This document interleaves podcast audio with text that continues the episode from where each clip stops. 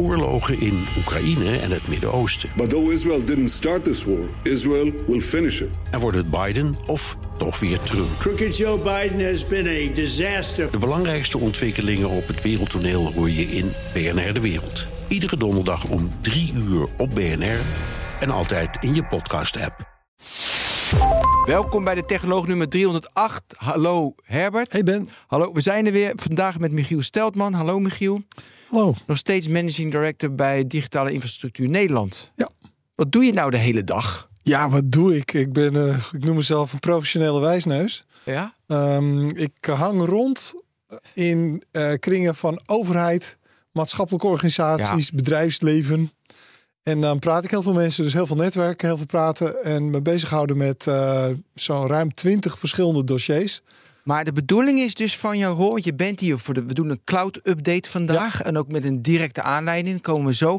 Maar jouw doelstelling is dus de digitale infrastructuur in Nederland beter, optimaler, prettiger te maken. Hoop ik dat dat de doelstelling is van jouw leven. Nou, het belang van de Nederlandse sector digitale infrastructuur in de breedte. Zorgen dat, dat, uh, dat wij als bedrijfsleven in staat zijn om optimaal datgene te leveren en te runnen en te doen, veilig en betrouwbaar, zodat de digitale economie gewoon goed kan functioneren. Dan heb je een belangrijke taak, man. Dank je. Zo. Zo zie ik dat, dat ook. Ik doe, ik doe dat, Ja, maar dat is echt... Uh, Herbert, je hebt eerst een host Ja, want um, het zit namelijk zo, als bedrijf wil je je altijd blijven ontwikkelen. Je wil moderniseren, je wilt schalen. En cloud is, daar hebben we het toevallig vandaag over, komt ja. dat even goed uit, is de manier om je technische mogelijkheden te vergroten. De voordelen, je kunt razendsnel waarde toevoegen en daarbij de concurrentie voorblijven. Met een cloud platform profiteer je namelijk van efficiënte en innovatieve oplossingen voor data en AI. Wil je ook een sterkere digitale positie? Perfect. Verhuis dan naar de cloud. Kijk op incentro.com. Top. En een speciale mededeling. We hebben aan het eind van deze aflevering hebben we nog een host Ja, dus wie haast heeft kan daar nu vast al vast naartoe spoelen. Ja, en dan weer terug. Dat we het en dan natuurlijk wel weer terug. Ja. ja. Dus oké, okay, dat doen we op het laat. Uh, Michiel, de directe aanleiding is eigenlijk... we moeten sowieso af en toe een cloud-update... want er gebeurt heel erg veel mm -hmm. in de cloud. Maar de directe aanleiding is, is dat de overheid uh, van Nuffelen... die schreef zelfs dat uh, de overheid gaat gebruik maken... van de Amerikaanse clouddiensten. Ze mogen het in elk geval. Nee, niet Amerika. Ga ik gebruik maken van publieke clouddiensten? Publieke, dus AWS, Azure. Is dat al bekend? Of Google Cloud Platform? Is het nou, al nee, bekend? zo werkt het niet. Zij mogen het dat mag. soort diensten aanbesteden. Maar dat wil niet zeggen dat het Google of Amazon wordt. Dus ze doen het nog niet? Nee, ze doen het niet, nee. Oké, okay, maar dat het mag, mag wel. Nou, dat was de directe aanleiding. Dan kreeg je allemaal ingezonden brieven. Dat is onverstandig. En mm -hmm. nou ja, dus we willen van jou ook weten: is het nu wel onverstandig, niet onverstandig? Is het dom van de overheid, slim van de overheid? Wat vind je zelf zijn er eigenlijk? voor's en tegens? Hè? Wat vind je zelf eigenlijk? Uh, ik denk onder bepaalde, als je die, die regelgeving, die voorwaarden heel erg goed stelt, denk ik dat niet cruciale uh, elementen bij de overheid, die totaal niet zo van belang zijn, die kan je makkelijk naar mijn idee, mits je dat heel goed afspreekt met Microsoft of Google of, uh, uh, of hoe het Amazon. Als je het heel goed afspreekt, denk ik dat niet cruciale elementen makkelijk in de public cloud kunnen. Denk dat, dat is mijn mening. Dus, nou, en jij? Um, nou ja, ik ben, ik ben uh, ontzettend wantrouwig als het gaat om de, in elk geval de Amerikaanse partijen die daar rondlopen.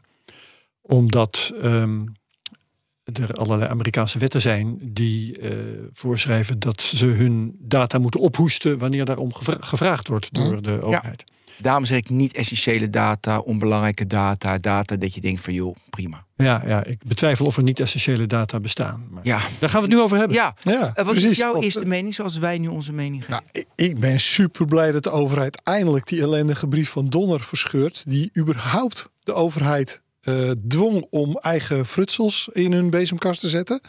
En uh, die, die de overheid verbood om überhaupt uh, met de markt Europees of niet-Europees uh, zaken te doen voor het gebruik van clouddiensten. Ja, de, dat was verboden. De, brief van Donner die schreef voor dat de overheid zijn eigen service. Zijn eigen gesloten rijkscloud heette dat. Nou, je kan al een beetje voorstellen hoe dat is afgelopen. Ja. He, er wordt dan een cloud aanbesteed. Nou, daar, daar zit al een rare controverse in. Want je kunt, je kunt iets wat volstrekt dynamisch is helemaal niet aanbesteden. Want de cloud is nooit af. He, die, is, die evolueert continu. Dus je ziet die frictie al. De overheid was dus gedwongen om iets te bouwen, op te leveren en dan tien jaar lang te gebruiken. Ja, dat gaat natuurlijk niet werken. Dus dat is totaal geflopt. Ja, je hebt daar ook een stuk over geschreven eh, in AG Connect, geloof ik. Ja. Heb ik het goed? Ja, hè? Ehm, waarin je jouw standpunt samenvat. Dat was na eh, iets over Van Uffelen en na een eh, opiniestuk van José- José José van Dijk en Bart Jacobs, Jacobs. In verschillende media. Hm? Ja, dus een hele discussie en wij gaan jou nou doorzagen over jouw standpunten daarin. Maar eerst even dat standpunt. Want in, in theorie hè, kan je toch als overheid dat makkelijk doen. Je, je, eh, dus je huurt al die dus je zet al die servers neer in een datacentrum. En dan heb je je eigen cloud. je eigen plek. Dan heb je eigen plek. Dat beheer je netjes. Eh, prima toch? Ja, klinkt simpel. Maar het, de, het probleem, waarom is het allemaal begonnen? en Waarom is cloud überhaupt een thema in de industrie geworden en eh, bij de overheid? Is omdat de com- complexiteit van stacks, zoals dat heet, dus de stapels van technologie die je nodig hebt. en Dat begint met netwerken en dan serverparken en software. veiligheid eromheen, en software erop en zo en alles wat je nodig hebt. De complexiteit van die stapels is mind-blowing geworden. Die is zo groot dat geen zinnig mens dat in zijn eentje mee kan. En je kunt dat thuis als een friemel bouwen, maar serieuze business applicaties zie je dat al die functies die zijn in plakjes gesneden. Het internet doet niemand zelf. Dat neem je af van netwerkproviders. Een datacenter. Ja, vroeger bouwde de bank die zelf, maar dat doen we nu ook niet meer. Ja. En dat zijn gespecialiseerde partijen. Infrastructure clouds, dus processing capaciteit. Dat zijn gespecialiseerde firma's Je die zegt dat doen. eigenlijk, het hele idee van de cloud is dat eh, wat de overheid bij ons dan tot voor kort moest doen, dat is een slecht idee. Ja, want je kunt dat niet meer allemaal zelf. Als je alles wat er voor nodig is zelf doet, dus en de innovatie en het continu evalueren, meebewegen en alles veilig houden en up-to-date, dat is too much. Al ik bedoel, alleen partijen als Microsoft en Google kunnen dat zelf. Die doen alles nog in een uppie. Maar elke andere ziel in de wereld, die maakt gebruik van de diensten van andere partijen, omdat je niet meer alles alleen kan. Ja, nou zijn- too much. Eh, Microsoft en Google en Amazon en noem maar op zijn groot. Mhm. Maar de overheid is toch ook groot? Die kan toch ook wel heel wat aan? Wel, nee. Ik Nee? heb wel eens eh, laatst in een sessie. Als je alle data van de overheid eh, eh, in, eh, bij elkaar zou zetten. Nou, ik denk dat het in twee van deze kamer past. Het is, het is gewoon Ja. peanuts. Bedoel, Oké, dus dat is inderdaad ehm, eh, niets vergeleken bij wat Google en Amazon beheren. nee, de kosten En van IT bij de overheid zitten meer in het hele gedoe eromheen. Dus alle mensen die daar een, een zegje over moeten doen. alle processen die moeten worden gemanaged, hoe dan met die data. Maar de infrastructuur, infrastructuur zelf, de hoeveelheid terabytes of petabytes en de serverparken die je nodig hebt, ja, dat is allemaal niet, helemaal niet zo eh, spannend. dat is allemaal niet Nou, ja, zo groot. En misschien ben ik nu veel te conservatief, maar ik stel dan toch die vraag, want hij popte op. Ja, op zich, weet je, komt ook de- dat ze het zelf niet kunnen, omdat je steeds meer de, de consument, de burger, verlangt steeds meer van de overheid. En je kan het ook heel erg simpel houden. Dan heb je niet snelle, eh, weet je, dan hoeft dat infrastructuur helemaal niet ingewikkeld te zijn. En dan hoef je geen machine learning applicaties te, op te bouwen. En dan hoef je niet cross eh, data uitwisselingen te doen. Ja, maar ja, ja, de, dat had ook gekund. de overheid heeft het zichzelf ontzettend moeilijk gemaakt door eh, over, overal wetten en regels en achter de komma uitzonderingen en dingen te verzinnen. Neem de Belastingdienst het nieuwe eh, de stelsel. Nou, daar kunnen we denk ik ook een hele technoloog aan wijden. En dat zijn enorme eh, megalomane grote eh, gedrochten van projecten. Omdat er ontstellend veel complexiteit in legacy en bestaande data en procedures en nieuwe wetgeving in moet worden gepropt. Dus op de bovenste lagen van software en proces is het buitengewoon complex. Nou, en dan moet je ook nog eens alles wat eronder zit gaan managen als overheid. Omdat we bang zijn dat dat, dat de markt dat niet zo goed doet. Ja, dat is gewoon een heel slecht plan. Wat is specifiek ingewikkeld dan aan die infrastructuur die de overheid niet kan en een Azure wel? Nou, het zit er vooral in het feit dat de overheid niet goed is in het dynamisch managen van, van stacks. Het hele beleid van de overheid zit nog steeds in de hoek van aanbesteden. Je moet iets heel goed opschrijven, heel goed specificeren. Dan moet het worden gebouwd en als het klaar wordt opgeleverd. En dan mag je er niet meer aankomen. Het is zelfs zo dat als je er wel aankomt, dat je dan problemen kunt krijgen met degene die de aanbesteding verloor. Want die zei, hé, hey, nu gaan ze ineens dingen aanpassen die wel in mijn bestek zaten. En dat is niet eerlijk, want ik heb het verloren. En nu doen Oh ze ja. het toch. Ja, maar dan moeten ze een betere aanbesteding Ja, uitschrijven. dat klopt. Maar het is niet zo, want die wetgeving dat is helemaal dichtgetimmerd. En dus zit de overheid in een watervalmodel modus van werken nog steeds. Hè, er wordt hier en daar wel een beetje lean en gewerkt, maar daar heeft een grote provider geen last van. Dat is wel heel zeg altijd, als je interessant. Office 365 eh, bijvoorbeeld eh, gebruikt of Amazon, wat valt je op? zeg ik altijd, als je in AWS inlogt in omgeving, nou, dat het er anders uitziet dan de vorige keer. Ja. Hè, want het is voortdurend in beweging. Cloud En- is, is eh, één voorbeeld. Maar je, je zegt dus eigenlijk het hele idee van aanbestedingen, hè, zoals het in elk geval in de Nederlandse wetgeving eh, zit, wat de overheid moet doen, dat past niet bij IT.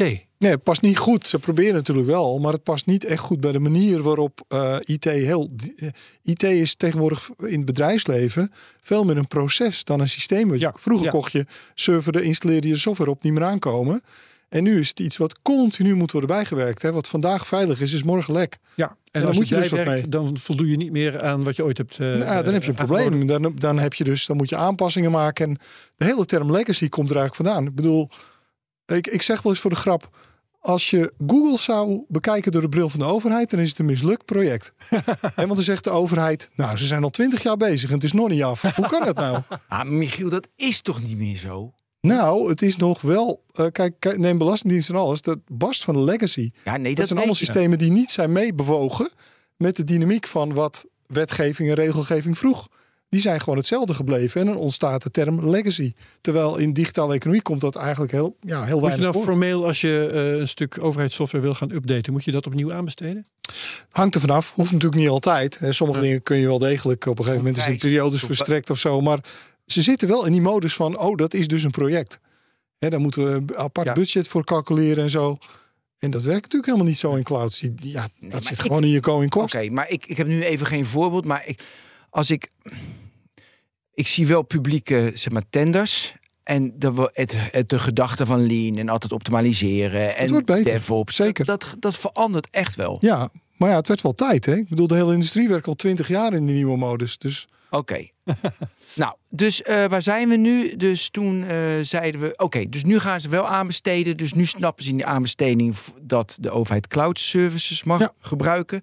Dan denken ze dus wel in altijd verbeteren, dat het altijd Mhm. doorgaat. Ja. DevOps teams neerzetten die dat verder ontwikkelen. ja, want je moet aan de, hè, wat, wat de lessen eh, leren als je clouds gebruikt. Dat je ook aan de zogenaamde demand side, hè, dus aan de kant van de klant die de cloud afneemt. Ook je processen moet afstemmen op gebruik van cloud. Omdat de boel steeds mee verandert, zal jij vaak ook mee moeten veranderen. Je moet anders testen.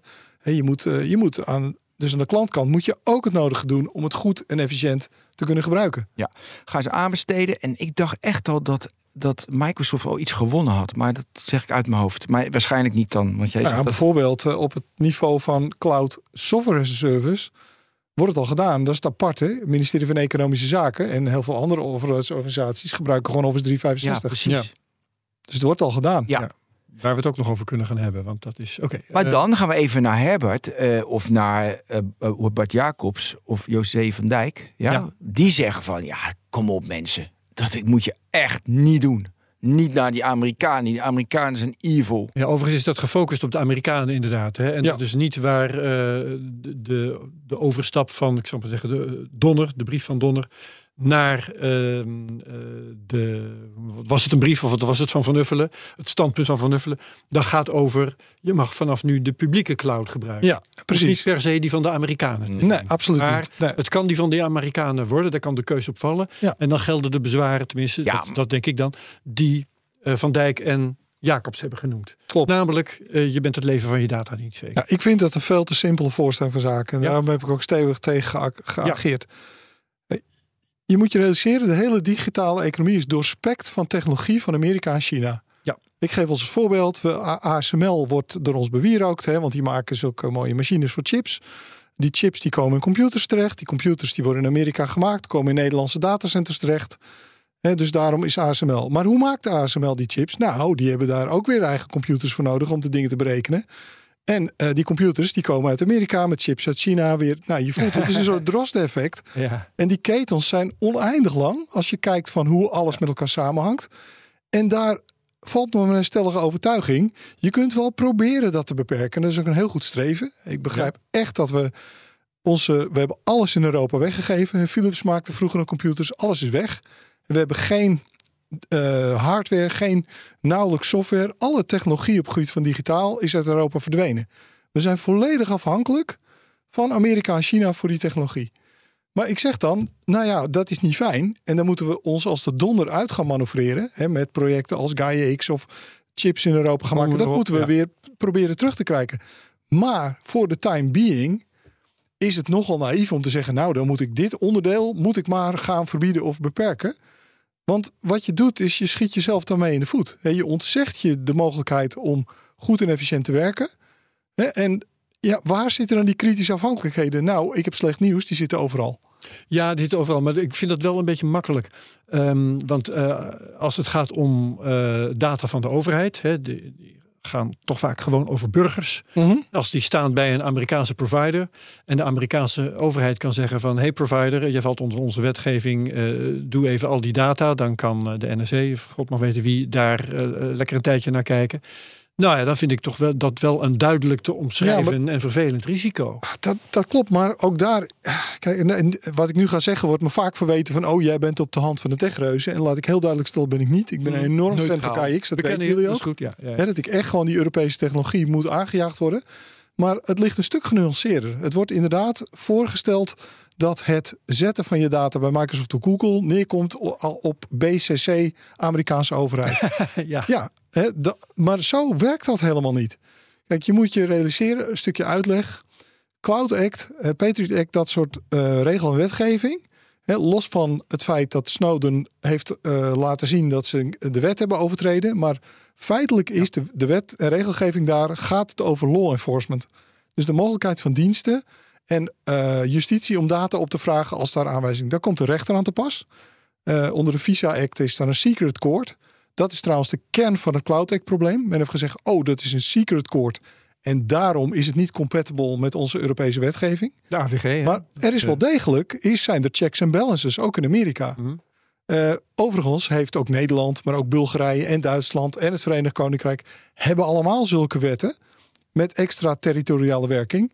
Die kunnen zeggen, nou, als, ik, als mij dat goed dunkt en als ik dat noodzakelijk vind in ons nationaal belang, eh, ik kan natuurlijk via de formele weg doen een rechtshulpverzoek.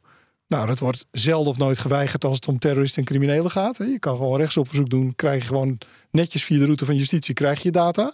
Zij zeggen, nou, ik vind dat ingewikkeld, ik wil het ook rechtstreeks kunnen doen. Dan ga ik naar een bedrijf eh, en dan wil ik rechtstreeks bij hun vorder ik die data. Nou, dan hebben die bedrijven daar ook weer regels voor, die, eh, die in hun corporate binding rules, die zeggen, nou, dat doe ik alleen maar. Al- Ik werk niet mee als niet duidelijk is dat de checks en balances zijn ingevuld. Mhm. En die hebben ook een policy die dat niet zomaar USB-sticks overhandigen, maar kijken. Hè, Apple heeft zich laatst daar enorm tegen verzet, want die vonden dat niet rechtmatig. ja, dus daar Microsoft zit een- ook. eh, Precies, die nog, werken ja. daar niet zomaar aan mee. Dus, er dus daar zitten wel degelijk checks en balances in. En dan heb je de inlichtingendiensten. Ja, de- dat zijn spionnen. Die kunnen alles doen wat God verboden heeft. Hè, die mogen hekken inbreken als ze vinden dat het in nationaal belang is. En daarvan zeg ik, ja, dan moet je gewoon zorgen dat die gasten niet op jouw systeem kunnen inbreken. Ja. Daar moet je gewoon voor zorgen dat dat niet kan. En als het wel kan, dan is er een, een, rechts, eh, een rechtsgang bij betrokken. Ja. Dus Maar- het is niet zo dat je data per definitie en dat je dan de tweede stap is, wat doet dat met jou en mij? Stel, Wat doet het met jou, sorry? ja, wat doet dat met ons? Wat is Oh het ja, en mij, risico voor ons? Worden wij eh, in Guantanamo Bay opgesloten? Of worden we, wat gebeurt er dan precies hè, als data wordt opgevraagd die, die dan misschien niet van terroristen is of dat de bijvangst is of zo? Nou, Hoe gaat dat jou en Misschien mij? ontstaat er dan een onterechte verdenking, waardoor je Amerika niet Ja, inkomt. dat of moeten we niet willen. Ja. Maar dan is dus de vraag: eh, het, het punt is, hebben we geen vertrouwen in de rechtsgang? Bijvoorbeeld als Noord-Korea dat zou doen, nou, daar zou niemand aan meewerken. Want we hebben geen vertrouwen in de rechtsstaat daar. Dus daar werk je niet aan mee, dat moet je niet willen. Mhm. In Amerika vind ik dat, ja, dat is een risicoafweging die je moet maken. Zeker. Is het risico van, nou, dan moeten we al die Amerikanen er maar uitsnijden, wat überhaupt niet Nou ja, kan. Nee, maar kijk, ehm, er is wel een verschil in. eh, laat je een bedrijf, eh, of, of kiest een bedrijf ervoor om van Amerikaanse diensten gebruik te maken. Dat is de keus van het bedrijf. Eh, kies je er als particulier voor? Nou, dat is jouw eh, zaak, dat moet je helemaal zelf Mhm. weten. Eh, maar de overheid heeft natuurlijk wel een speciale verantwoordelijkheid als het gaat om de data van burgers. Maar Dus natuurlijk. dat het iets, misschien ietsje zwaarder telt daar. En ehm, als je dan toch vertrekt van eh, die brief van Donner, die zei van nou, de overheid moet zijn eigen servers maar hebben. Mhm. Eh, dan zou het toch ook al een hele mooie stap zijn als je zou zeggen van nou, overheid, je, je mag van publieke cloud gebruik maken. Maar dan wel graag eh, een dienst van een Europees bedrijf met servers op Europese bodem. Dat zou toch al best behoorlijk werken, of niet? Nou, het punt is, we, we halen drie soorten risico's door elkaar. De, Mhm. het, het technische risico dat er feitelijk iemand onbevoegd bij je data kan. Een spion of een hacker of wat dan ook. Hè. Dus iemand die probeert. eh, dan hebben we de juridische risico's. Dus mensen die rechtmatig via juridische procedures, checks en balances data opvragen. Hè, dus daar, daar kan je je met technische middelen niet tegen verzetten, want de wet is de wet. Ja. Als Nederland data bij jou voor het, moet je dat geven. Maar kun je niks aan doen. In En Amerika dan heb je- staat, heb je met de Amerikaanse wet te maken. Ja, Dat daar daar kom ik zo op. Hè? Want wat betekent dat in. Amerika staat? Ja. En heb je het derde soort risico. Dat zijn de terechte zorg over soevereiniteit. We zijn afhankelijk van die snuiters. Hè, als eh, bijvoorbeeld China eh, over eh Chi- eh, Chinees bedrijf knopje uit zou zetten, dan, dan werkt het niet meer. Maar het is wel belangrijk om die drie soorten risico's te scheiden. Want het wordt allemaal gezien als cybersecurity. En ik vind dat niet terecht. En die tweede categorie. ehm, NCSC heeft een, een, door, door een, een advocatenbureau uh, Traurig nog iets. Een analyse laten doen. even. Ik zoek het voor je. En wat bleek? Dat, dat de werking van die Cloud Act, dus de mogelijkheid voor de Amerikanen om data op te vragen, helemaal niet beperkt is tot cloud. Ook als je als overheid zaken doet met IBM, heb je hetzelfde probleem. Traurig. Ja. Ja. Als je bijvoorbeeld zegt, nou, ik ga daar niet bij Microsoft staan, maar ik doe een ouderwets, ik doe het zelf contract. Maar de overheid doet helemaal niks zelf, want ze bouwen hun hardware niet. Ze, hebben, ze huren dan bijvoorbeeld IBM om het management te doen. Heb je hetzelfde probleem. Ook die moeten voldoen aan de Cloud Act. Dus hun conclusie is, er de, de locatie van de data is niet belangrijk. Het gaat erom of ergens in de keten een Amerikaanse partij een aangrijpingspunt heeft. Dat Jij kan een datacenter zijn. zo. En zij, nou ja, dat ik zeg, zij concluderen. There is no such thing as immunity voor Amerikaanse Ja, wetgeving ja. als deze. Dat is gewoon niet, niet realistisch. Dat kun je niet door de datalokalisatie, wat vaak wordt beweerd, of het niet gebruiken van de cloud. Je hebt dat probleem, dat juridische probleem, heb je nog steeds. En daarom zeg ik, de consequentie is dat je dus ehm, juridische risico's moet je met juridische middelen oplossen. oplossen. Oké, dus dat is het juridische aspect. Het technische aspect, ze kunnen altijd, bedoel, daar kan je weinig aan doen. Want als ze, als ze iets willen technisch, dan, dan waar het dan staat, dat doet er ook niet toe. Nee. Dus dat is die. Je kunt het wel moeilijk maken hè, met techniek. Uit- uit- maar dat ga je ook doen. Ja. Uiteraard. Maar dat, maar dat spreekt voor zich. De derde, dus die soevereiniteit. Hoe kijk je daar dan naar? Nou ja, dat is het grote probleem. Dat, is eigenlijk, dat zijn je strategische risico's. ehm, wat we bijvoorbeeld bij onze telecomnetwerken zagen. En ook dat is heel opvallend. Want eigenlijk ging het bij Huawei natuurlijk om een strategisch risico.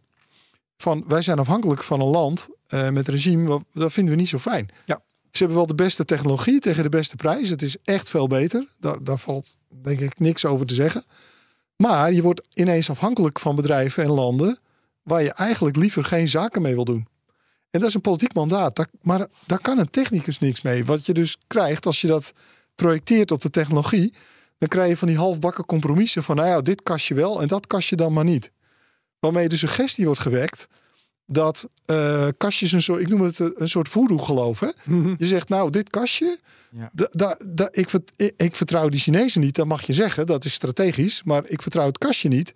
Ja, ik zeg dat is het domein van cybersecurity experts. En ik weiger te geloven dat die Chinezen zoveel slimmer zijn. dat ze tien jaar ongezien grote hoeveelheden data uit zo'n kastje kunnen pompen. Ja, en dat- dat niemand dat ziet. Oké, de- Dat kan de natuurlijk niet. wel of die kastjes eh, ook op die manier zo terdege onderzocht worden. Ja, dat worden ze. Dat worden het interessante is, ik ben er eens in verdiept.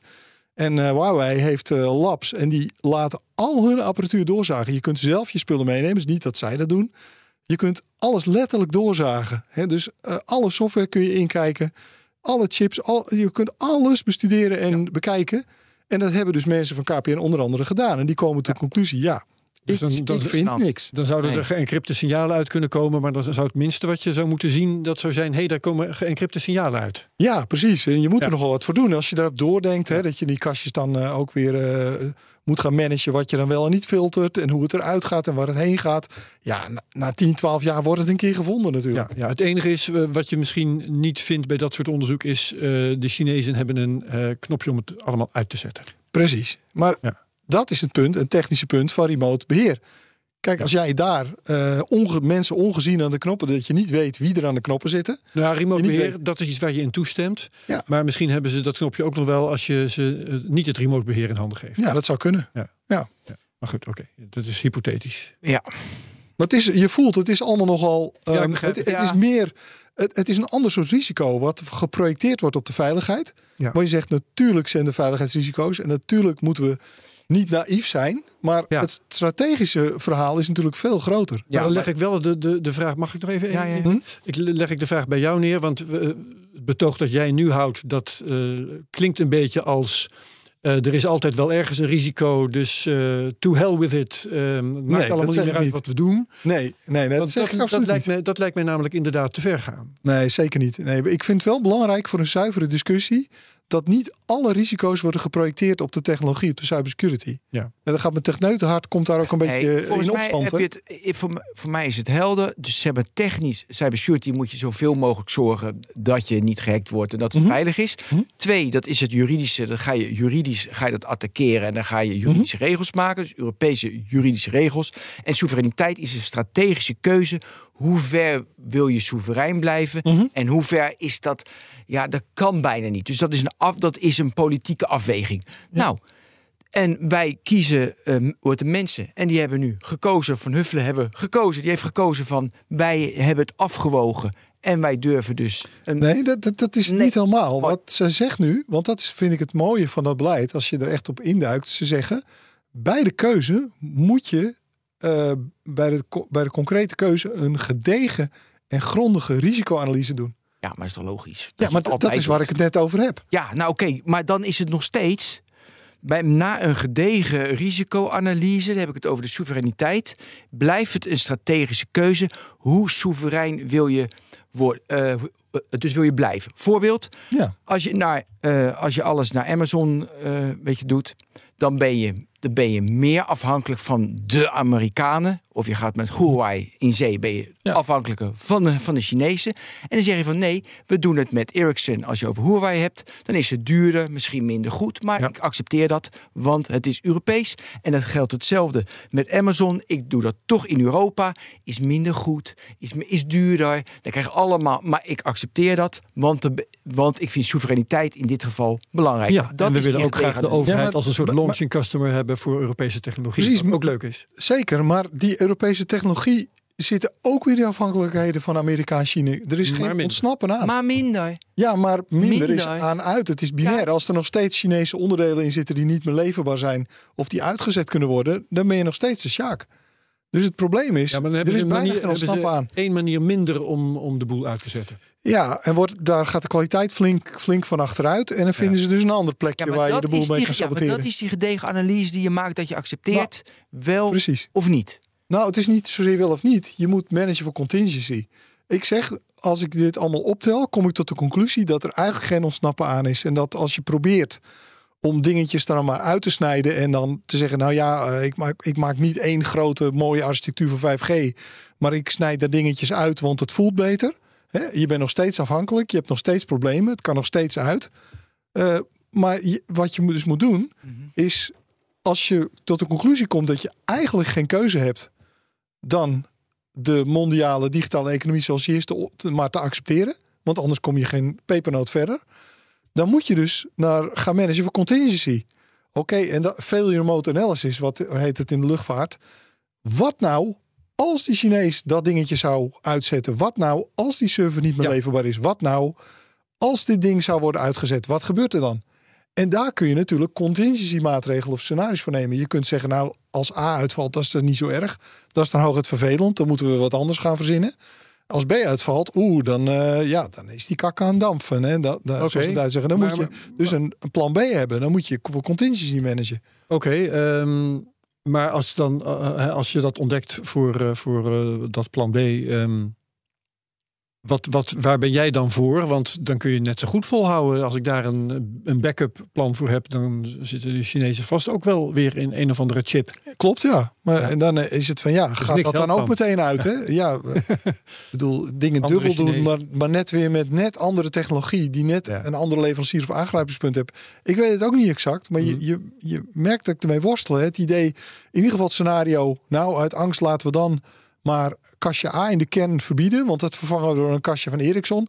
Waar diezelfde Chinese Ja. chips in zitten. Weet Als ik me niet vergis, was het eh, een onderdeel van jouw betoog eh, in jouw eh, repliek op Jacobs en Van Dijk in AG Connect. Was een onderdeel daarvan dat de overheid zijn kans heeft laten lopen tot nu toe door die brief van Donner om een goede launching customer te zijn en lekker de Europese technologie te stimuleren. Ook dat nog. Hè, want Ja, nee, zeker. Maar dan kun je dat dus toch nu in elk geval gaan doen.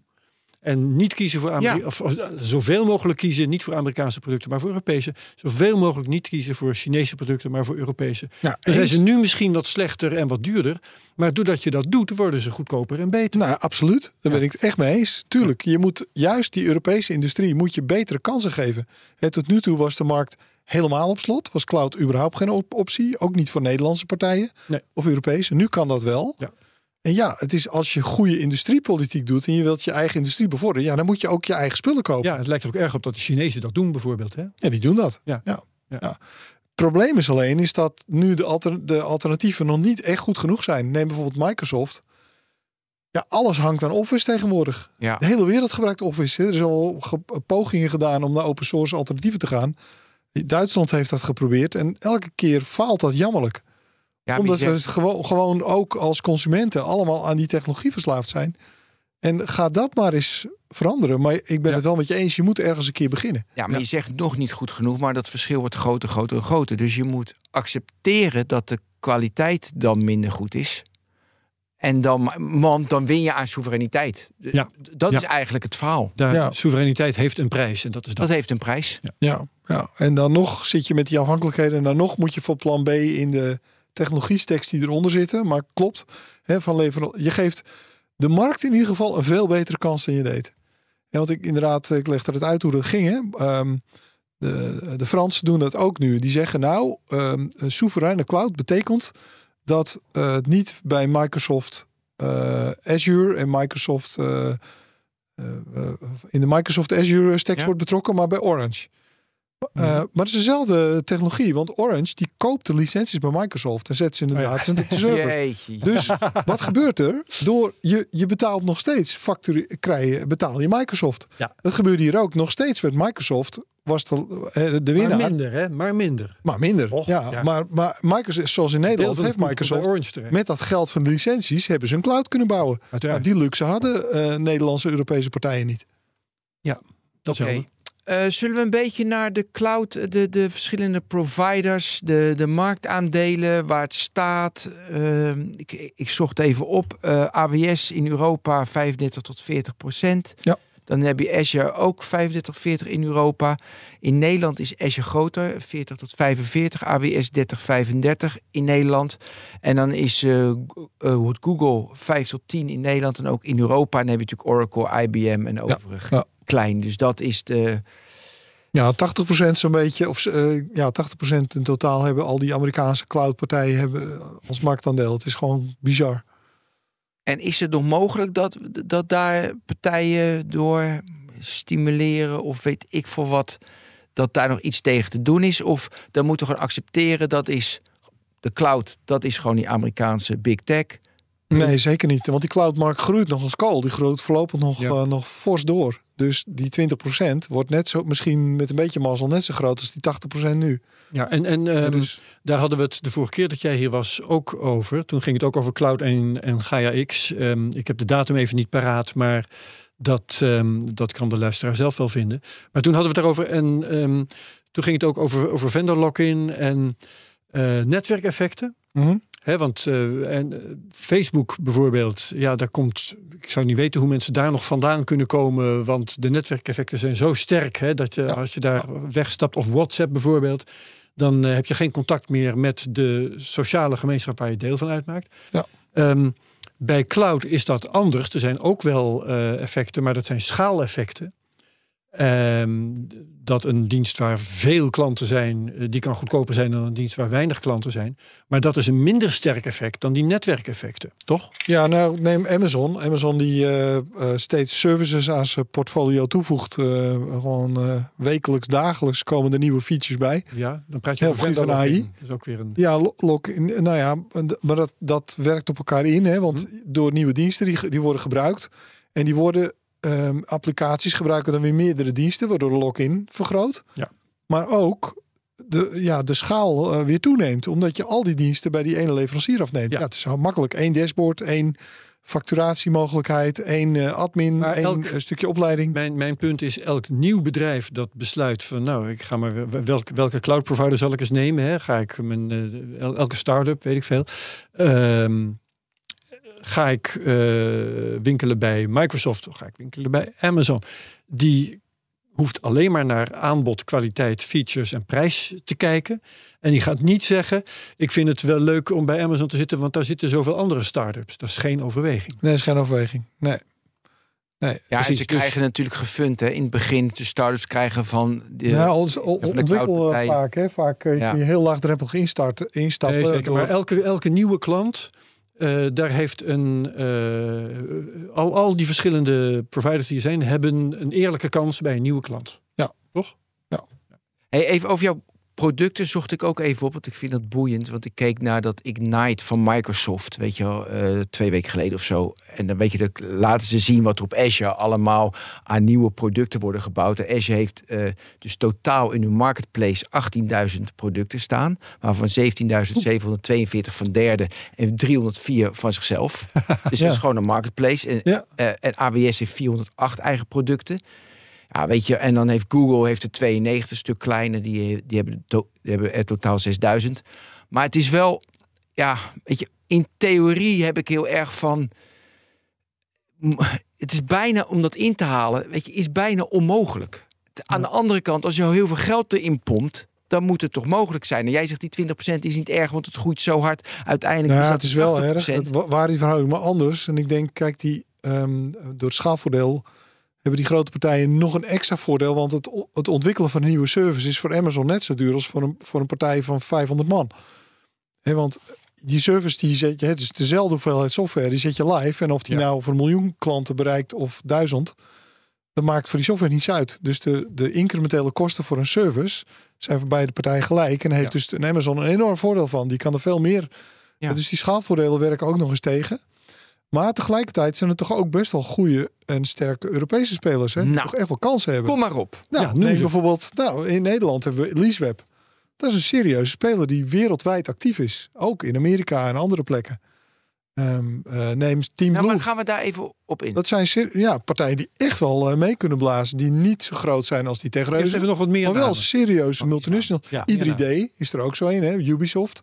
Oké. Die in, eh, in gaming, eh, die zijn eh, ja, echt een marktleider geworden in eh, het Discord bijvoorbeeld draait daar wereldwijd. Nou, dat is geen lullig platform. Nee. Ehm, en ook ehm, eh, ja, bijna elk schietspelletje in de wereld.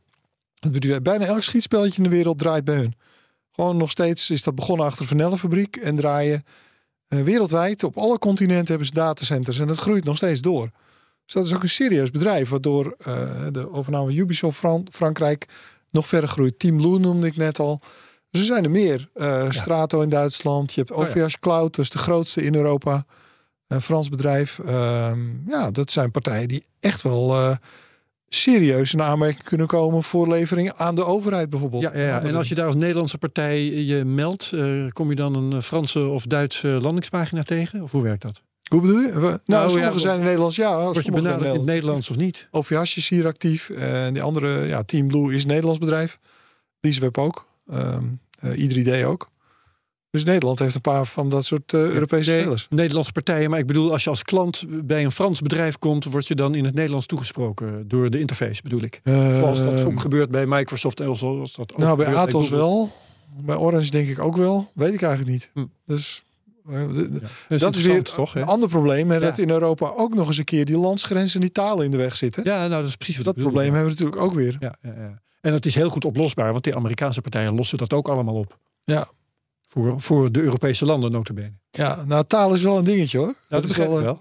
Ja, mijn, mijn schoonfamilie is Duits en dan maakten we die grappen wel. Ik zei wel, ik zei wel eens van nou, we hebben nu één munt met z'n allen. Hè. We zouden nog eens een keer één taal moeten hebben. Waarop mijn zwager dan zegt, ja dat Duits hebben we graag, ja. 80 jaar geleden geprobeerd, maar jullie wilden niet.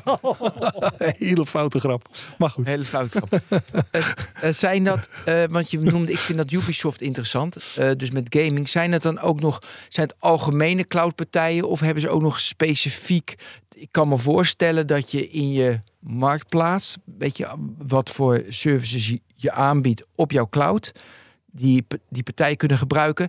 eh, of dat nog specifieke services eh, zijn, bijvoorbeeld schieten, en low latency, als voorbeeld. Ja, bijvoorbeeld bij- dat is bij Ubisoft is dat een heel duidelijk voorbeeld. Hè. Gaming is extreem low latency. Hè. Als iemand anders daarom. eh, daarom, hè, die hebben dat, dat voordeel. Die hebben allerlei concepten waardoor je met, met slimme networking en zo die latency op elke plek super laag kunt houden. Dus klopt, daar zitten ook wat differentiators in, maar dat zijn vaak hè, ook voor, eh, voor eh, beurshandel en zo is dat belangrijk. Daar is het zo belangrijk dat ze zelfs het rek naast het rek van eh, iemand anders van de, van de AX willen hebben.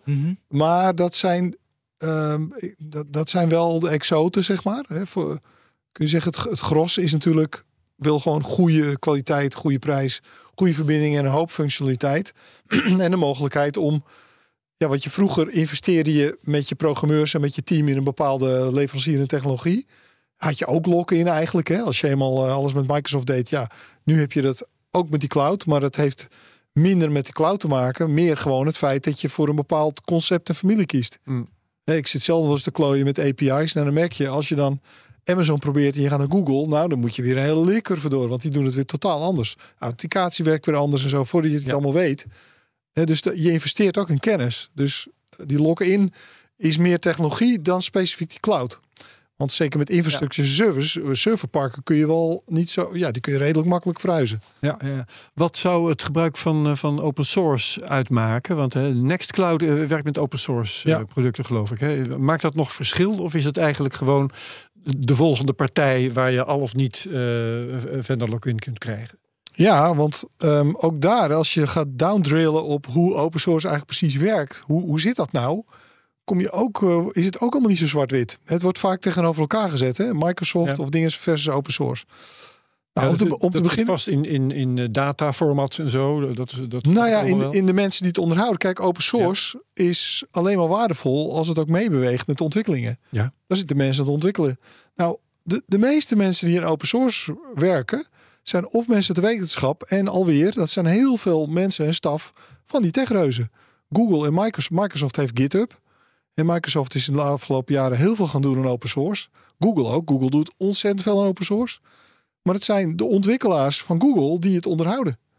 Die het in de, in de, in de GitHub repos- repository zetten. En GitHub, by, the way, is van Microsoft. hè? ja, ja, Dus ja, maar die ook daar zie je dat de verwevenheid met, met, eh, ja, met tech giants, dat dat niet meer zo was als in de beginjaren.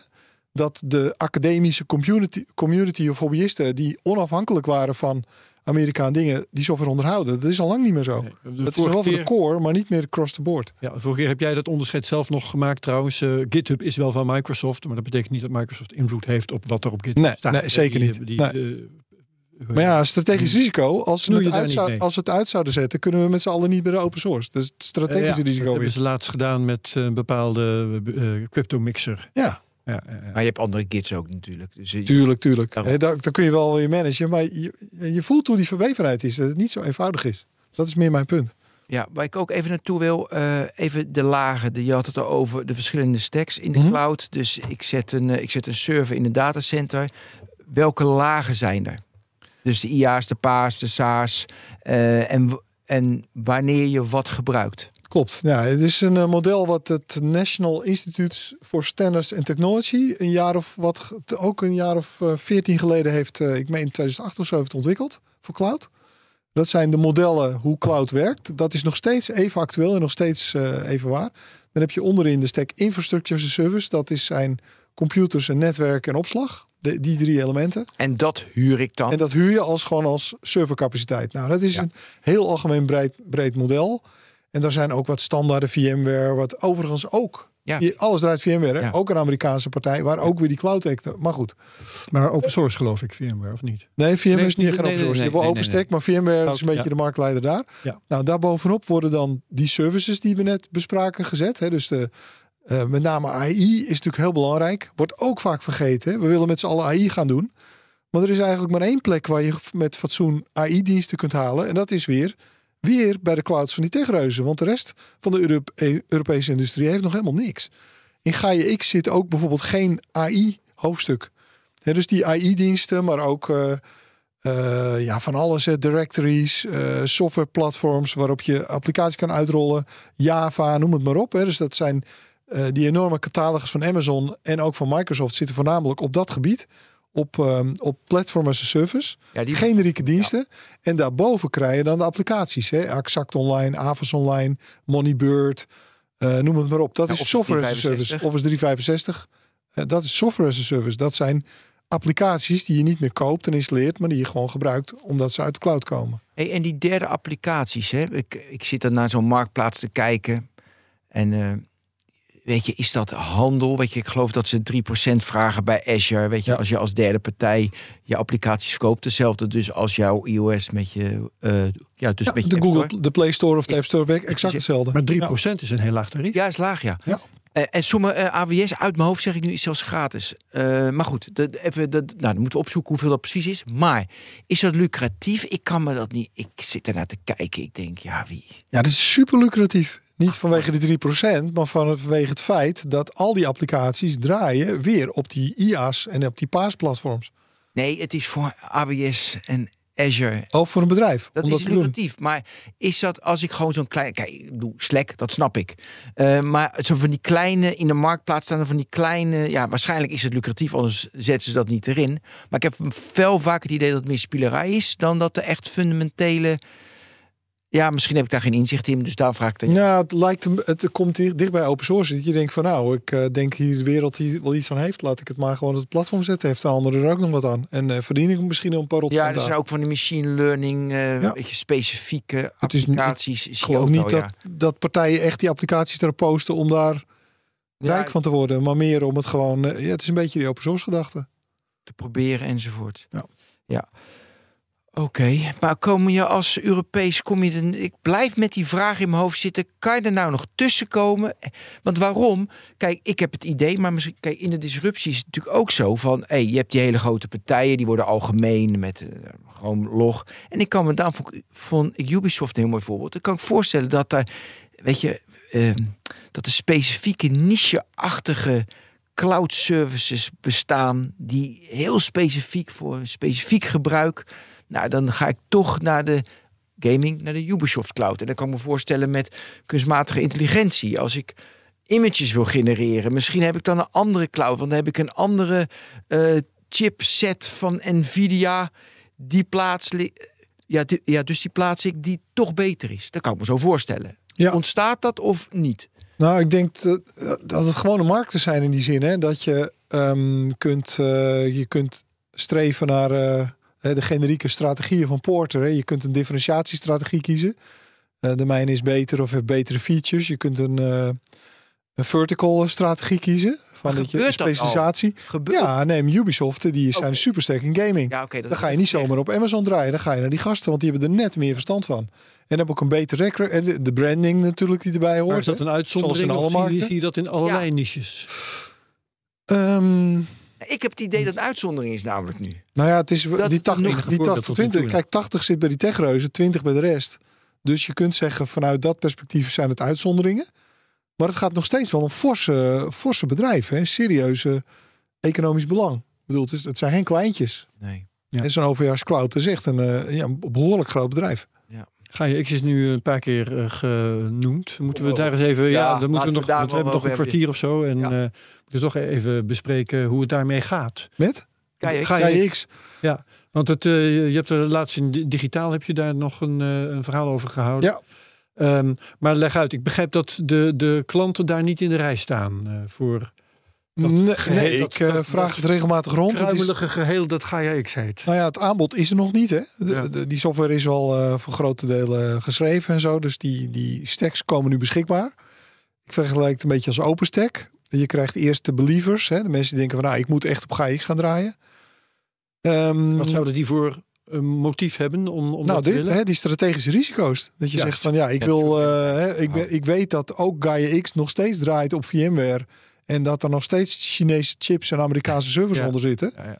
Daar kan ik niks aan doen. Maar de, maar de, eh, de partij die de IA's bouwt, daarmee bouwt, die de service daarmee bouwt, is tenminste Europees. Ja, Dus dat, dat eh, in de risicoafweging ehm, geeft het ook eh, ja, wat, wat voordelen of gemoedsrust of zo. En om ik het begrijp zo dat, te doen. dat Van Nuffelen Oké. ook heeft bepaald dat de Defensie mag niet naar de Amerikanen en eh, staatsgeheimen mogen daar niet heen. Ja. Dus ook sommige overheden zullen ook onder Van Huffelen zeg maar reden hebben om. Om a priori te zeggen, die, die strategische risico, los van de, van de daadwerkelijke cybersecurity en de juridische Ja. dingen, moet ik gewoon. Ja. Nou ja, ju- juridisch kan dat vervelend zijn, want je wilt nooit dat dat kan worden opgevraagd.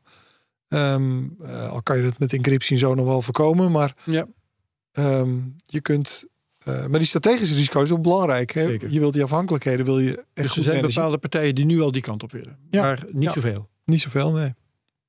En hoe, eh, hoe krijg je dat op gang? Nou, één belangrijke beweging is de Data Act die eraan komt. Dat is een nieuwe wetgeving die eh, eh, so- providers verplicht om ehm, het interoperabiliteit, eh, portabiliteit. Dus de mogelijkheid om weg te gaan wordt beter. Er zitten wel een paar hele rare quirks in, maar goed, dat zal ik jullie besparen.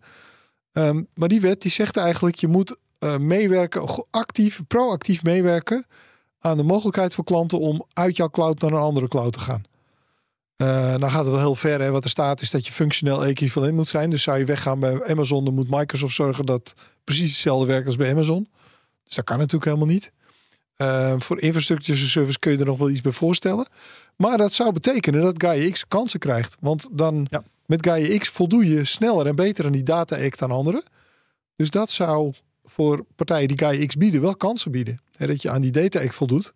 En dat overheden, die natuurlijk ook graag aan die wet willen voldoen, zeggen van nou, dan moet ik toch eh, bij voorkeuren voor mijn IA's eh, zaken doen bij een Gaia X-partij. Dat zou kunnen. Ma- Mag ik heel even, als ik het go- goed begrijp. Dus Gaia X is nu qua technologie en regelgeving is het nu geregeld. Nou, technologie, regelgeving nog niet helemaal. Dat is nog een probleem. Want ze hoe- moeten, hoe- eh, hoe lang zijn we nu al bezig? 50 minuten. Nee, Oh. met het Gaia X gedoe. ja, de tweede half jaar. Ja. ik denk, time is up. Nee, we zijn eh, ruim 2,5 twee jaar bezig al. Hè? Twee, 2,5 jaar zo'n beetje. Maar Eh, goed, je zei regelgeving nog niet helemaal. Nee, want ze moeten enerzijds aan het eh, Europese wetgeving voldoen. Natuurlijk Data Act, EUCS, de NIS 2. Allemaal regels die eraan komen. Ehm, en, en daarnaast is Gaia ook met haar eigen label bezig. En daar hebben we nog zorgen over. We denken, ja, gaat dat label echt heel waardevol zijn? Experts zijn, daar in ieder geval gemengde, gemengde gevoelens over. De experts die naar kijken, oren tussen andere partijen, denken van nou, het wordt meer eh, een soort marketinglabel dan dat het echt vertrouwen en waarde geeft. Dat heeft de manier waarop. Dus daar is nog wat gesteggel over. Ehm, maar belangrijk is natuurlijk dat leveranciers eh, ja, die stack gaan draaien en zeggen van nou, ik eh, zet eh Gaia X servers in de vensterbank, in de etalage tegen die en die prijs en data services en data connectors en zo wat er allemaal bij hoort. Dat die daadwerkelijk in het portfolio van bedrijven worden opgenomen. Eh dat is afwachten. Dat doen ze ook nog niet. Nou, Dus- ik heb nog niks van gehoord. Bedrijven zijn, in ieder geval alle Nederlandse partijen die ik spreek zijn erg terughoudend. Die zeggen ja, ik ga dat doen als ik redelijke zekerheid heb dat partijen als de overheid of anderen dat die het ook bij mij gaan kopen. Ja, ja. Want ja, eh, Microsoft kan het straks ook gaan leveren. En als die het goedkoper doen, ja, dan verlies ik het nog. Waarom zou ik die moeite dan doen? Dus de- hoe die En alle markt kans zich dat ze het goedkoper doen. ja, Ja. en daar is, daar is binnen de. KX wordt er niet zo heel goed, vind ik, onvoldoende naar, de, naar, naar die marktontwikkeling gekeken. En Wie, wie daar echt gewoon straks zegt van nou, eh, daar ga ik. eh, het is meer believers dan dat ze zeggen van nou, partijen gaan daar echt een vette boterham mee verdienen. En Ja. die krijgen ook klandizie. Ja, maar het is toch kansloos. En nog even over. Ja, ik Ja. me gek van. We gaan het er vanaf na deze nooit meer over hebben. Het is gewoon afgeschreven. Nee, Eh, we, we zijn, zat. Over die regelgeving, je begon in het begin over het houdt nooit op. Het zit ontwikkeling in. Dus je kan wel zeggen, we wachten op de Data Act. Maar ja, ja, je kan blijven wachten. Dus het is ook gewoon van, dit is, niet dus, dit is nu de situatie. Ja. Punt. En het, trouwens het hele stimuleren van de Europese soevereiniteit op digitaal gebied... kunnen ze dat best wel eh, zo stimuleren dat mensen wel die techn eh, de, dat de cloudpartijen wel die technologie aan gaan bieden. Ook als dan krijgen ze subsidie of zo, weet ik voor wat ze doen. Ja. Maar dat doet de overheid dus niet. Dat is natuurlijk ook krom dan. ja, het is allemaal nog onbeslist. Het is allemaal, eh, ja, de markt moet het doen en gaat de markt het doen. Het is echt koffiedik kijken. Je merkt dat ik nog steeds een beetje het voordeel van de twijfel geef. Omdat ik het gewoon ontzettend graag zou zien dat het slaagt. Maar ik ben, eh, net als jij wel... Oké, wat moet er nu ja. gebeuren? Wat moet er nu gebeuren? Wil het nog, nog een kans maken? Nou, de, de eh, belangrijke partijen zouden zich moeten committen. Dus data sharing initiatieven, partijen als ASML, andere, die zouden moeten zeggen als er zodra Gaia X bij Europese leveranciers beschikbaar komt, ga ik het kopen. Dat commitment. En de overheid van Huffelen die zou moeten zeggen, als Gaia X bij Europese partijen of Nederlandse partijen beschikbaar komt, hebben die een streepje voor of Microsoft. Dat zou moeten. Je moet echt iets aan industriepolitiek gaan doen, want anders heb je grote kans dat, eh, ja, dat het Ja. toch Gewoon ouderwets protectionisme. Mm, nou, het is niet protectionisme, want je kunt niet dingen weren. Maar je kunt wel zeggen waar je voorkeur ligt. Als je vindt dat Europese bedrijven betere kansen zouden moeten hebben om het soevereiniteitsprobleem op te lossen, moet je ze ook betere kansen geven. Ja. Put your money where your mouth is. Hè? Of, is dat. eh, Nou ja, en dan nog, dan doe je dat. Weet je, dan hebben we hadden het net over de applicaties in de cloud die allemaal worden gedraaid. Weet je, al die services die die grote cloudpartijen, die die grote cloudpartijen maken. Maar ja, dan zie je met Gaia X, dat red je natuurlijk ook weer allemaal niet. Dus, dus sta je ook daarin, zeg maar, eh, zeg maar, infrastructure snap ik. Dat is vrij eenvoudig. Maar ja, dan het platform maken of de SaaS-services erop. Jeetje, man, jongen. Ja, ik snap het. Het is gewoon een enorme achterstand die je niet zomaar even wegpoetst. Ik wil niet zeggen dat je niet moet proberen, maar ook ik ben wel eens, eh, ik denk, jongen, jongen. Wat, hoe in, hebben we dit eh, laten gebeuren? En dat hebben we laten gebeuren. Eh, misschien kun jij dat vertellen. Hoe hebben we dat laten gebeuren? Nou, het, het mechaniekje wat ik net eh beschreef. Doordat de overheid eh, niet Wij z'n allen, nou, cloud, dat is eng en dat mag allemaal niet Ja, en zo. overheid niet doen. En, en, en zodat eh, de Europese markt geen kansen kreeg. Ook de interne markt, hè, dus leveren over grenzen. Dus Ja. schaal krijgen was ook al bijna niet haalbaar voor bedrijven. En Een paar hebben het gered. Ja, en de Amerikanen lachten zich dood. De grootste Ja. klant van Amazon was de CIA. Een aantal jaren geleden, de wonnen van IBM. Nou, die konden onstuimig groeien. En kregen ook een licentieinkomsten uit Europa. Van iedereen die gewoon Microsoft licenties bleef kopen en betalen. En die konden daar hun clouds mee, eh, mee bouwen. Eh, Ja, ja. Google idem dito. Ja, en dat voordeel hadden de Europese partijen niet. Dus we hebben het gewoon... Ja. We hebben erbij staan kijken en het marktaandeel groeide naar 80%. En tot vijf, zes jaar geleden vonden we ook Microsoft helemaal niet erg. Vonden we wel geweldig. Dat was helemaal top. Nou, ik niet En- hoor. Nou ja, maar eh, in de industrie eh, was iedereen... eh, zei, Ja, ja, ja. maar idem dito, het Chinese wonder werd... het, het economische wonder uit China. Kijk eens hoe geweldig dat allemaal is. Vonden we ook allemaal top. Hey, ehm, dus het is moeilijk genoeg voor, voor GaiaX. En dan zei je ook nog in BNR Digitaal, viel me op, eh GaiaX wordt gedomineerd door de Franse koers. Ja, heel sterk. Wat is dat? Nou, dat is een hele wat autoritaire manier van besturen. Van I, I will explain this only once. Ehm, dus een beetje zoals de, de boord, sterke dominantie. En daar zit eh, die soevereiniteitsgedachte wel, wel in, maar ook op een protectionistische manier. Waarbij je dan. ehm, ja, je ziet dat, dat ideeën over hoe, hoe dingen op een bepaalde manier moeten, dat die echt altijd uit één hoek vandaan komen. En dat inspraak van andere landen, dat is, is moeilijk om dat op tafel te krijgen. Daar hebben we in Nederland ook last van met het label. Maar we toch echt eh, met, met goede redenen vinden dat in Nederland er meer expertise is op het gebied van auditing en keurmerken en compliance en conformity assessments en dat soort dingen. Mhm. En daar hebben we in Nederland gewoon echt meer verstand van met Norea en dat soort materie. Ja, dat wordt gewoon niet gehoord. We, het wordt aan tafel gedragen en het wordt uitzondering daar gelaten. Eigenlijk eh, opzij geschoven als, eh, nou nu even niet. Ja, dat is jammer. ja, ja, dus dus de, de, de, het democratisch gehalte van Guy X is niet super hoog. Is, is er wat aan te doen? Nou ja, continu blijven pushen en duwen. Ja. En eh, als dingen echt niet gaan, dan eh, proberen bij te sturen. En eh, Nederland eh, doet dat best goed. De Nederlandse partijen proberen dat. Maar het is niet makkelijk. Oké. Hey Michiel, omdat we bijna aan het einde zijn en jij bent van de stimulering van de digitale, de digitale wereld, heb ik een hele andere vraag. Ehm, ze zeggen wel dat is, weet je, alles is nu centraal, de big tech. Het is gesloten, big tech bepaald. En we zien elementen dat het weer decentraler wordt. Nou, denk aan een hele blockchain en crypto wereld. Maar, maar ook uh, public spaces. Het wordt weer decentraler en meer met open source. Open source, daar hebben we over gehad, dat heb je wel. Zie jij die trend ook of zie jij die trend totaal niet? Dat we meer naar een decentrale en open source internet gaan dat dat de beweging is. Ja, Web 3.0 en zo. Dus veel meer uh, wat, we, wat we ook dachten. Ik moet eerlijk zeggen, ik zie het nog niet zo gebeuren. Nee, eh, dat zie ik ook een beetje in de blockchain. Hè, die eigenlijk voorbij crypto niet de massale belofte die het bracht. Hè, van alles zou decentraal worden en alle um, centraal geleide dingen zouden worden afgeschaft. Dat is alleen natuurlijk bij crypto heel duidelijk gebeurd. Maar in andere toepassingsgebieden nauwelijks. Hè, daar zie je er eigenlijk niet veel van terug.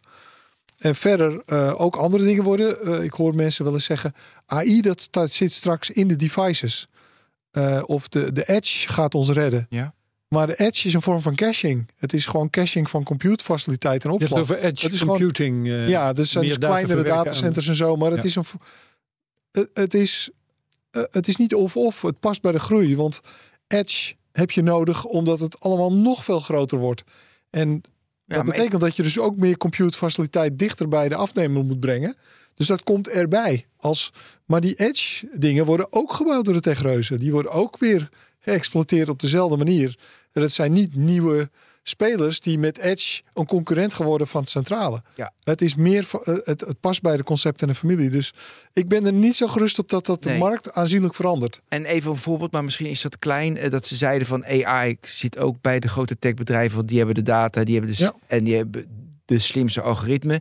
En nu is het met AI, weet je, trekken ze al die data gewoon, screpen ze van het internet. En je kan zelfs met het unstructured data, kan je al nou, niet al best wel, kan je hele goede dingen maken. Ik denk even aan de mid-journeys waar we het over hebben gehad, over het genereren van images. En GPT-3 is ook gewoon tekst, hub, scrapen maar. Dus dan heb je daar heb je Big Tech niet voor nodig. Want open source zijn vaak, die modellen zijn vaak open source. Mhm. Uh, ik noem even een decentraal open source-achtig project. Is dat te klein spielerij? Dat is de vraag. Of nou denk je van, nou, daar zit, daar zit wel een richting in. Nee, je moet, altijd, je moet dit soort initiatieven echt omarmen en pushen. Want uh, alles begon klein. Hè? Dus de, de economies of scale in het internet zijn heel sterk. Dus begin je klein met iets wat goed werkt. Dan kan het explosief groeien. Dan kan het snel echt uh, flinke, flinke body krijgen. Dus dit is, dat, dit is ook zo'n initiatief. Hè? Je, moet, ja, je, moet, je moet alternatieven die, uh, die, die mogelijk uh, bijdragen aan die, aan die soevereiniteitsproblematiek moet je omarmen en hopen dat die echt iets gaan doen in de markt. Absoluut. Ja. Top. Uh, hebben het nog? Dingen? Nee, jij hebt nog een gloedvol verhaal. Ja, ik heb ja, ja, ja, ja, ja, Want wat ik mag gaan, ik mag een uh, hoofdred voor gaan dragen. Kom op. En dat is een ja, van listen.nl. En waarom ik dat leuk vind, ze hebben nu een website gemaakt, listen.nl slash technoloog. Herbert, en er staan de, de podcast die wij privé, privé, alles is privé. Nee, wat wij luisteren, dat staat erop. Dan gaat je privacy. Dan gaat mijn privacy. dus de tips van Herbert en Ben, dus die technologie die wij mooi vinden, maar ook oude technologen die wij briljant vonden of goed vonden. En dus je komt er zeker bij, Michiel. Je zit ja, erop. Dat is, uh, en ik, zat, ik zat even terug te kijken. Uh, uh, dus, dus Herbert, kan je nog herinneren, kunst van het lateraal van het lateraal denken? Nee. Die heb je ooit geadviseerd. Lateraal denken op opnieuw orde van bestaande informatie. Op zich. Moet ik eens gaan luisteren? Dan moet je eens gaan luisteren. uh, ja, weet je, nou, dat vind ik zo leuk dat wij dus uh, listen.nl slash technoloog, de podcast die wij privé luisteren, die ons inspireren en de technoloog inspireren. Weet je ook, die een oude technoloog over uh, digitale transformatie staat erop. Nou, dus dat is een Leuk. site. Nou, daar kan je allemaal naartoe. Geweldig. Allemaal doen. Geinig, hè? En volgende week? Wat dan? Weer een nieuwe technoloog. Weer een nieuwe technoloog. En uh, dit was namelijk nummer uh, 308. En we bedanken Michiel Steltman. Ja, ik bedank jullie. Over de cloud. Ja, leuk. Ben okay. ook bedankt. Ja, Herbert bedankt. Tot de volgende technoloog. Hoi.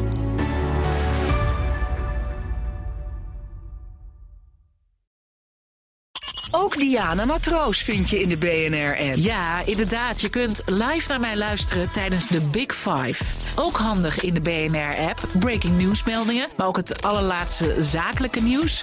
En je vindt in de app alle BNR-podcasts, waaronder Wetenschap Vandaag. Download nu de gratis BNR-app en blijf scherp.